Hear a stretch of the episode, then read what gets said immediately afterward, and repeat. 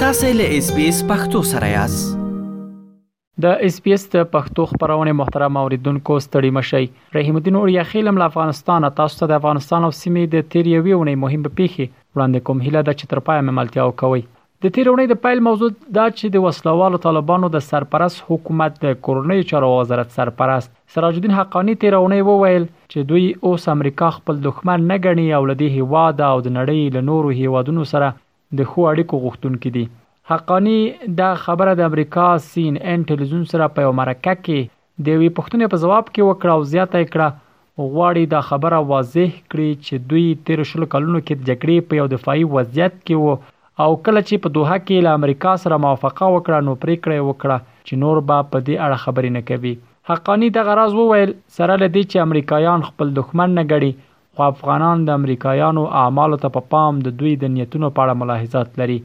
د طالبانو د کورنۍ چارو وزارت سرپرست همداراز په دغه مرکه کې تر شپږم ټولګي پورته د افغان نجونو د ښوونځیو د پرانیستلو په اړه د ښه خبر د اورولو ژمنه هم وکړه هغه وویل چې څوک د ښځو له تعلیم سره ستونزه نه لري او انجونو ته اجازه ورکړل شوې ده چې تر شپږم ټولګي پورته ښوونځیو ته ولاړې شي د امریکا د بهرنیو چارو وزارت بیا د سراج الدین حقانی دې خبرو ته په غبرګون کې چې ویلي دي امریکا د دوی دښمنه نه ده شک ښودلی او ویلي چې طالبان دې تر خبرو عمل ته اهمیت ورکړي. خو له دې ټولو سره سره سراج الدین حقانی داسې مهال له سي ان ان سره ښکاره مرکه وکړه چې د نوموړي نوم لا هم د امریکا د فدرال د تحقیقاتو ادارې د مطلوب او غوښتل کېدونکو کسانو په تور لست کې دی او امریکا د هغه د نیولو لپاره لس میلیونه ډالره جایزه ټاکلې ده.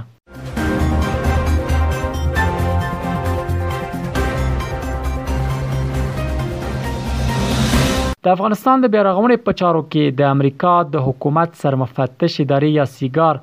په خپل تازه راپور کې له افغانستانه د امریکایي ځواکونو د ایستل کېدل د افغان پوځ د پاشل کېدو اساسي لامل په ګوته کړی. د سیګار دغه راپور په تیر اګست میاشت کې له افغانستانه د امریکایي ځواکونو تر وتلو وروسته د رامنځته شوي حالت په اړه چې په ترڅ کې یې امریکا د ګډوډۍ په یو حالت کې له افغانستان څخه خپل متحدان وایستل، د پوځ او پنټاګون د جګپوړو چارواکو د ارزونو په اساس جوړ شوی دی. راپور کې راغلي، چې د اکثره افغانانو په باور د امریکا او طالبانو ترمنځ د سولې موافقه له افغانانو سره د امریکایانو لخوا له شویو ژمنو په شا کیدل، او د دښمن لاسونو ته د افغانستان د سپارلو نښه وه چې سم دستي پایله یې د افغان وسلوالو ځواکونو د روحیې ناڅاپي کمزوري کېدل و د دې ترڅنګ اخوا د امریکا دفاع وزارت کانګرس ته په تازه راپور کې ویلي چې له افغانستان څخه د امریکایي ځواکونو له وتلو او ترهګرۍ ضد عملیاتو له کمولو وروسته د داعش خراسان ډله په دغه هیواد کې خپل جلب او جذب او بریدونه زیات کړي دي دوی ویلي په افغانستان کې د دې ډلې وړتیا په دې کچه کې ده چې وکولای شي چې کولای شي د امریکا ګټې وګواښي په راپور کې داعش ډله په افغانستان کې لا هم یو لوړ تهدید ښودل شوی او د مخکنۍ ارزونې پر اساس شاوخوا 2000 جنګیالي لري خو له دې ټولو سره سره طالبانو بیا په وار وار دا خبره کړې چې هیڅ یوې ډلې ته به اجازه ورنکړي چې له افغانستان څخه نورو هیوادونو ته ګواښ پیښ نه کړي.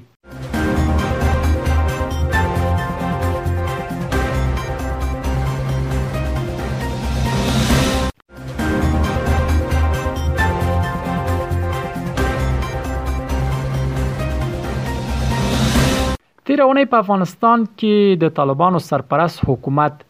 د پاکستاني طالبانو او اسلام آباد ترمنځ د سولې د خبرو کوربتوب وکاوه د طالبانو ویاند ذبیح الله مجاهد د تیر اونۍ د چهار شنبه په ورځ د دغه موضوع په اړه وویل چې یاد مذاکرات د دوی په منځګړیتوب په کابل کې تر سره شول او په وینا یې د پام وړ پرمختګ ترڅنګ پر لنډمهال اوربند توافق وشو. هغه وویل چې حکومت یې د غیر غوښتنې په نیت هڅه کوي چې د مذاکراتو سلسله په بریالي شکل پرمخ لاړه شي او له دواړو لوریو څخه یې د یو بل د زغملو او انعطاف هیله کوي. مجاهد په دې اړه معلومات ورنکړل چې په یاد مذاکراتو کې د پاکستان حکومت او یا پاکستاني طالبانو د کومې کچې استازو ګډون کړی وو خو له دې وړاندې داسې راپورونه ورکړل شوي وو چې په دغه مذاکراتو کې د پاکستان د استخباراتو پخوانی مشر فیض حمید ګډون کړی وو داسې راپورونه هم ورکړل شوي چې د پاکستان حکومت د پاکستاني طالبانو دوه بندي هم خوشي کړي او هغه یې په کابل کې د طالبانو حکومت ته سپارلي. که څه هم د پاکستان حکومت په دې اړه لا څه نه دي ویلي خو پاکستاني طالبانو بیا دا موضوع تایید کړې او ویلي دي چې د افغاني طالبانو په منځګړیتوب یې د پاکستان له حکومت سره خبرې روانې دي. داسې ویل کیږي چې د طالبانو د کورنیو چارو وزیر سراج الدین حقاني چې د حقاني شبکې مشر هم دی په دې خبرو کې منځګړیتوب کوي او ګومان کیږي چې نوموړی یې د پاکستاني طالبانو غورځنګ سربیره د پاکستان د استخباراتو د ادارې آی اس آی سره هم اړیکې پالي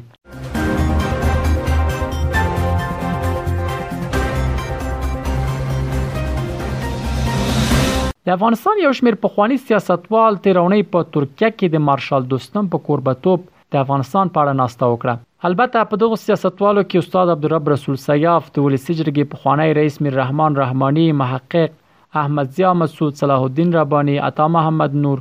او ځین نور سیری شامل وي د راپورونو لمخې دغه سیاستوالو چې شمیر یې څلويخ تنه خودل شوی د افغانستان د ژغورلو لپاره د مقاومت عالی شورا په جوړېدو هوکړه کړې دغه سیاستوالو لدې ناستې وروسته په یو اعلامیه کې له وسلوالو طالبانو غوښتي چې افغانستان دې له دې زیات نور نه ورانوي او د ستونزو د حل لپاره دې خبرې وکړي. همداراز طالبانو ته ویل شوي چې هېڅ ډله نه شي کولای په زور په افغانستان کې پایدار حکومت ولري. اعلامیه کې همداراز راغلي ول، لومړی هڅه کوي چې د خبرو له لارې په افغانستان کې ټولشموله حکومت جوړ شي او که احیانا دا کار ونه شو بیا به شورا د طالبانو په ضد په نظامي اقداماتو غور وکوي. سرچینو رسنیو ته دا هم ویلي چې طالبانو ضد د ملي مقاومت د جبهې مشر احمد مسعود هم د دې شورا غړیتوب لري وسلوال طالبانو د ناست په خبرګون کې بیا ویلي هر هغه جریان چې د افغانستان د امنیت د اوسنی نظام د اخلال لپاره له هواده بهر جوړیږي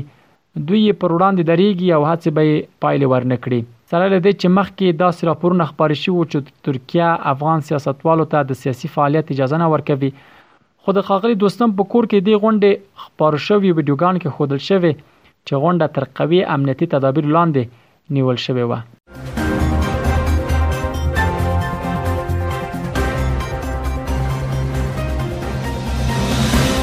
د تیر اونۍ د پای موضوع دا چې د طالبانو د امر بالمعروف او نهی عن المنکر او اطلاعات کلتور وزارتونو په خپل یو تازه اقدام کې په افغانستان کې تلویزیونونو ته امر کړی چې تر دې وروسته باید ویاندویان یې د تلویزیون پر پردې راښکاره کیږي مخونه پټ کړي طالبانو دا نوی امر تیر اونۍ د پنځ شنبه په ورځ افغانستان کې ټولو ټلویزیوني شبکو ته ورکړي او د دې شبکو د مسولینو څخه یې غوښتي چې ویاندویان یې باید د پروګرامونو د چلولو پر وخت دا موضوع جدي وګڼي. د دې وزارتونو استازو د دې امر د اعلان پر وخت ویلي چې دا قاطع او د بحث نه وړ حکم دی د طالبانو له دې امر څخه وروسته په افغانستان کې ګڼ شمېر پروګرام چلوونکي چې د ټلویزیون په پردې راښکاره شوې مخونه یې په ماسکونو پټ کړي وو. دې امر ویاندویان یې او د پروګرامونو چلوونکي خواشیني کړي او ځینو ویلي چې طالبانو دې تازه امر ورته ټکان ورکړی. خو طالبانو بیا ویلي چې دا ګام یې د عام افغانانو د بیا بیا غوښتنې پر اساس پورته کړی او رسنیو هم ورسره دا پریکړه منلې. دا ول د افغانستان او سیمې د تیر یوې اونۍ مهمې پیښې چې ما تاسو ته وړاندې کړې تر بیا ښې چارې. اس بي اس پختو په فیسبوک کې تا کې پلی مطلب خوښ کړئ نظر ور کړئ او له نورو سره شریک کړئ.